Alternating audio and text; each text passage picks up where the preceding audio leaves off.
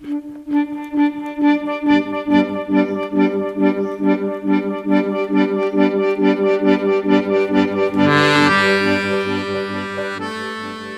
luister kortom waar ons weer heerlik tot verhaal kom en jy's baie welkom. Ons gaan vanaand luister na twee kort verhale deur Jan Spies wat Waldemar Schultz gaan voorlees. Ek het hierdie stories gekry in Poort deur die Koue Vertellings 2, uitgegee deur Tafelberg. Die eerste verhaal wat Waldemar gaan voorlees, is getiteld Ahip vir die Lord.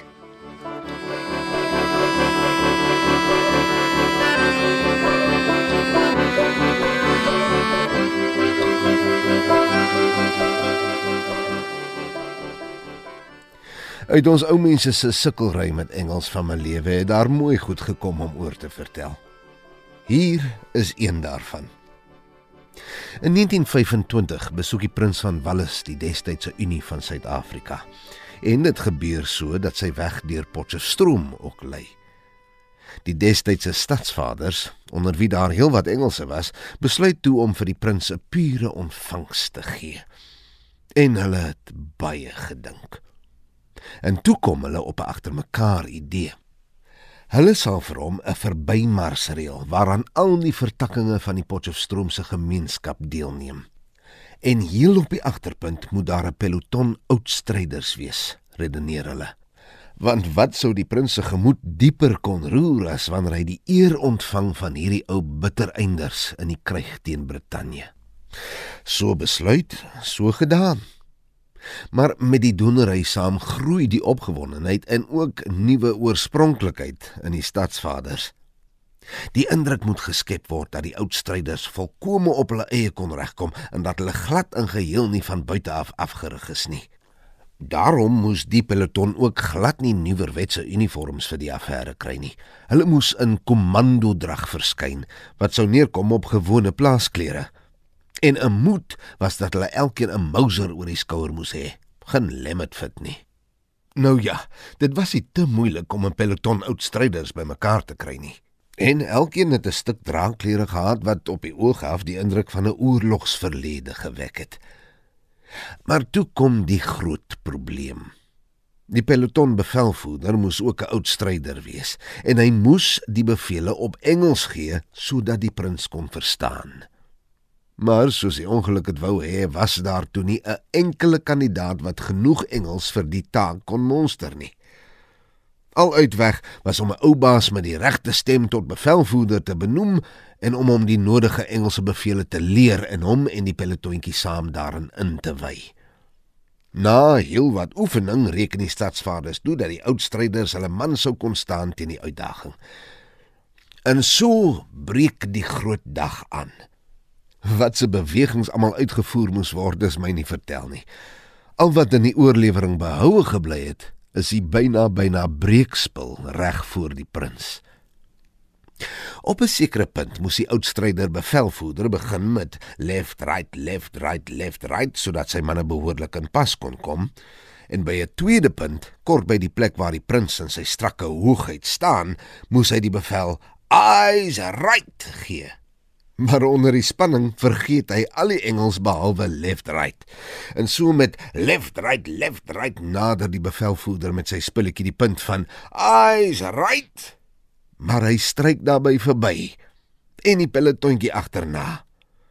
'n Paar tree vorentoe steek hy die staanplek van die prins ook verby. En toe is party van die burgers erg bekommerd oor die bevel nie kom nie. "Toe, Jan!" Skree een met 'n sterk fluisterstem van agteraf. Maar Jan was nog aan die plan maak. En gelukkig, toe die voorste manne van die peloton net net by die prins sou verbymarseer, kry hy 'n paslike ingewing. En hy gee die bevel tot op die regte voet ook nog en die pelotontjie reageer of dit naaste by wyle generaal de la Rey was van wie die woord gekom het. En die ganse okasie is 'n sukses. Gelukkig het die prins niks verstaan behalwe left right nie. En dit was ook net die naaste mense wat die pure bevel gehoor het. Pleks van left right left right eyes right het die bevel so gekom. Left right left right left right I hip for the lord julle hella. Left right, left right, left right.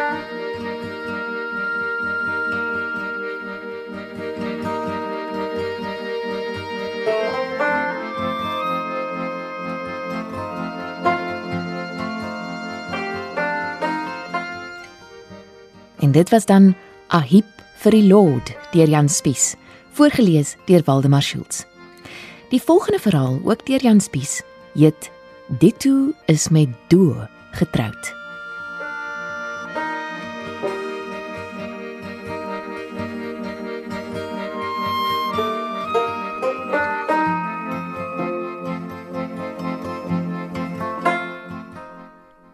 Arm jare het daar naby Mariental mense gewoon wat dit soos ons almal maar nie te breed gehad het nie. Dit moes meet en pas en die riempie wat daar uit die vel gesny kon word, was maar braaddun. Wanneer daar 'n lysie gemaak word van die allernodigste vir die man met die kar en donkies of perde dorp toe ry, het dit sommer 'n pure sit afgegee om die kontant so ver te rek dat dit by 'n kwitansie kon uitkom. Teen die tyd dat die man en die vrou ooreengekom het oor wat gekoop en oor wat gelos moes word, was dit natuurlik nie die kontant wat sodanig gerek het nie, maar die lys wat gekrimp het. En op 'n goeie môre val die kerel weer met sy kar en donkies in die pad na Oubaas Chani se winkel op Mariental. Dit was 'n wonderlike ou mens, die ou boerejood wat ons mense van die omgewing so te sê deur die depressie gedra het. Maar in elk geval, die man kom ry met die kar en donkies daar op Mariental aan en hy span uit en hy stap met sy notisietjie na Oubaas Chani toe. Daar gekom word daar gegroet en na die welstand verneem en toe begin die kopery. Dis 'n jaar Duitse sis, ses knope, 'n tolletjie garing, 'n paar velskoene, twee hemde, 4 pond koffie, 'n half sak suiker, 'n sak mieliemeel, 'n half sak boermeel, twee pakkies vierhoutjies, vyf sakkies hartbees tabak en nog 'n paar goedjies. Na die kopery en die afrekenery gaan span hy in en kom laat sakkie draaghout voor die winkel, sodat die donkies nie met die kar op loop kan sit nie. En hy laai op. Met die terugryery gaan dit sommer flink. Al het die kar ietwat van 'n vraggie op, want 'n donkie is mos nou eenmal 'n ding wat op sy manier nogal fliks kan wees wanneer sy kop huise kant toe gedraai word. Sommer met die stilhou begin die uitspannery en met die loop vir 'n koppie koffie word die eerste pak winkelgoed ook saamgedra. Toe alles afgelaai is, begeef die man hom krip en kraal toe vir die aandwerk met sy klompie vee. En die vrou pak alles wat hy gekoop het uit en sorg dat elke ding sy bestemming bereik. In haar kombuisrakke van opmekaar gepakte lampoliekuste of in die slaapkamer. Een vir een ding merk sy af op die rekening om seker te maak dat daar nie dalk ergens fout gekom het nie. En is hier waar sy vassteek. Daar is 'n ding opgeskrywe wat sy nêrens tussen die ander goed kry nie en die een hemp is glad en geheel nie opgeskryf vir die afrekening nie. Toe die man teen skemer die kombuis van buite af instap, is die vrou al vuur warm en in die lanternlig gaan sy vir die soveelste keer die klompie goed na waar sy hulle weggepak het. Die hemp wat nie opgeskrywe is nie, lê nog op die kombuistafel. Mens kan nie bleddy winkelmense daarom ook nie vertrou nie, sê sy. Jy moet wragtig keer vir elke penny wat jy het of hulle verneek jou. Kyk nou hier. En sy beduie waarop sy afgekom het. Alles wat hy gekoop het en wat van die lys afgeskryf is, is daar, behalwe vir die liderlike fout. Van die twee hemde is net bloot een opgeskrywe met prys en al. Maar van die ander een staan daar nie 'n letter nie. En dan is daar 'n ding opgeskrywe wat geen mens sal weet wat dit is nie, 'n doel en hy kos nogal soveel as die ander hemp en dis damn duur. 'n Hele 5 shillings en 'n sixpence. Ek los hierdie hemp nou net so toegevou soos hy in die winkel was en dan ry jy wanneer die donkies uitgerus is terug en vat hom saam en dan vra jy wat vir 'n ding hierdie do is. So kan dit nie gaan nie. 'n Mens sal uitgeroei word. Die man voel self ook nie lekker oor die vernekery nie en hy help maak die pap dik aan oor hoe skelm die besigheidsmense sommer in die algemeen is. 'n Paar dae later spring hy in die pad Mariental toe. Reg is reg en verkeerd was nog nooit reg gewees nie. Die hemp, die rekening en die lysie gaan saam. In die winkel groet hy sonder om die geringste teken van onraad te laat deurskemer. Kort kort voel hy of hy nog die rekening in die oorspronklike lysie in sy sak het. Die hemp is in 'n stuk bruin papier toegevou, vir die groot oomblik eenkant op die toonbank neergesit.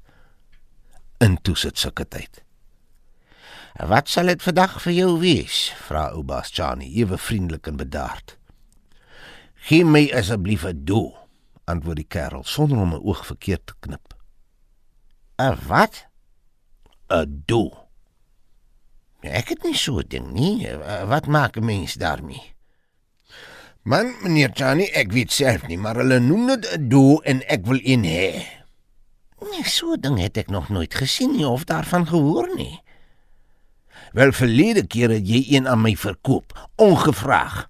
En vandag weet jy kwans sy's niks af van nie. Teen hierdie tyd begin loop die gesprek in 'n verkeerde rigting en die twee manne word onlekker vir mekaar. Man, man, dis nonsens. Ek weet wat in my winkel is. Ek het nie hier so 'n ding nie, sê ou baas Johnny ergerlik. Wel, ek dink ook nie jy het so 'n ding hier nie, maar laas keer het jy een aan my verkoop. Ek het jou nog boonop daarvoor betaal ook. Dis mos die louterste verniekery waar jy om kan dink. Ou baas Johnny ontplof amper oor die beskuldiging. En toe speel die kerel sy troef en hy vou die rekeningstaatjie voor die deurligtige ou winkelier oop en hy wys met sy vinger. Wat staan altemit hier geskrywe? En kyk net wat kos dit. Ouba Shani neem die rekeningkie en staan en kyk verslaan na die klant met wie hy al so baie besigheid gedoen het. Hm, ek het gedink jy sal nie weet wat om te sê nie, gaffel die boer in sy groot oomblik op 'n manier wat bedoel was om seer te maak. My liewe vriend, jy verstaan die ding heeltemal verkeerd, antwoord Ouba Shani wetend dat die laaste woord syne is. Nou maar laat ek hoor, kom die antwoord nog steeds van 'n man wat glo dat hy gewen het. Man, do is hier 'n hemp. Jy het 'n hemp gekoop. Daar staan dit. En toe het jy nog 'n hemp gekoop en daar staan sy prys. Nou van wanneer af word 'n hemp 'n do genoem? Jy verstaan nog nie. Nou ja, vir wat skryf jy dan do as dit nie hemp beteken nie? Tydsaam lê die ou winkelier die storie uit. Do is 'n afkorting vir dito en dit beteken min of meer dieselfde. Hier op die rekening staan dus jy het 'n hemp gekoop en toe het jy nog 'n hemp gekoop. Nou vir wat skryf jy so snacks? Man, ons skryf almal so in die besigheid. Dit skryf maklik en vinnig omdat dit 'n kort woordjie is. O, oh, sê die kerel bedremmeld. En dan het ek nog 'n hem saamgebring om te raas oor hy nie opgeskrywe is nie. En hy haal die oorbodige bewysstuk uit die papier waarin dit toegevou was. En daar kom vrede op die twee gesigte. En toe twee glimlagte. Toe hy later die namiddag by die huis kom, het die stomme man nog kwaliek sy sit vir koffie gekry. Toe wil die vrou weet hoe die skermutseling verloop het. En wat het ou Chani toe te sê? Die man hou sy lyf Chani en verduidelik haar fyn hoe die ingewikkelde ding werk, dat dit toe niks anders as dieselfde beteken nie en dat dit op die rekening vir die tweede hemp staan. Die vrou begryp nog nie heeltemal mooi nie. Maar hoe kan die do-affære 'n hemp wees wat dieselfde is as die ander hemp, maar do sê jy is daarom dit ook? En toe vat die kerel die saak so saam. Man, dit beteken kortom ek is 'n bloody fool. En jy's dit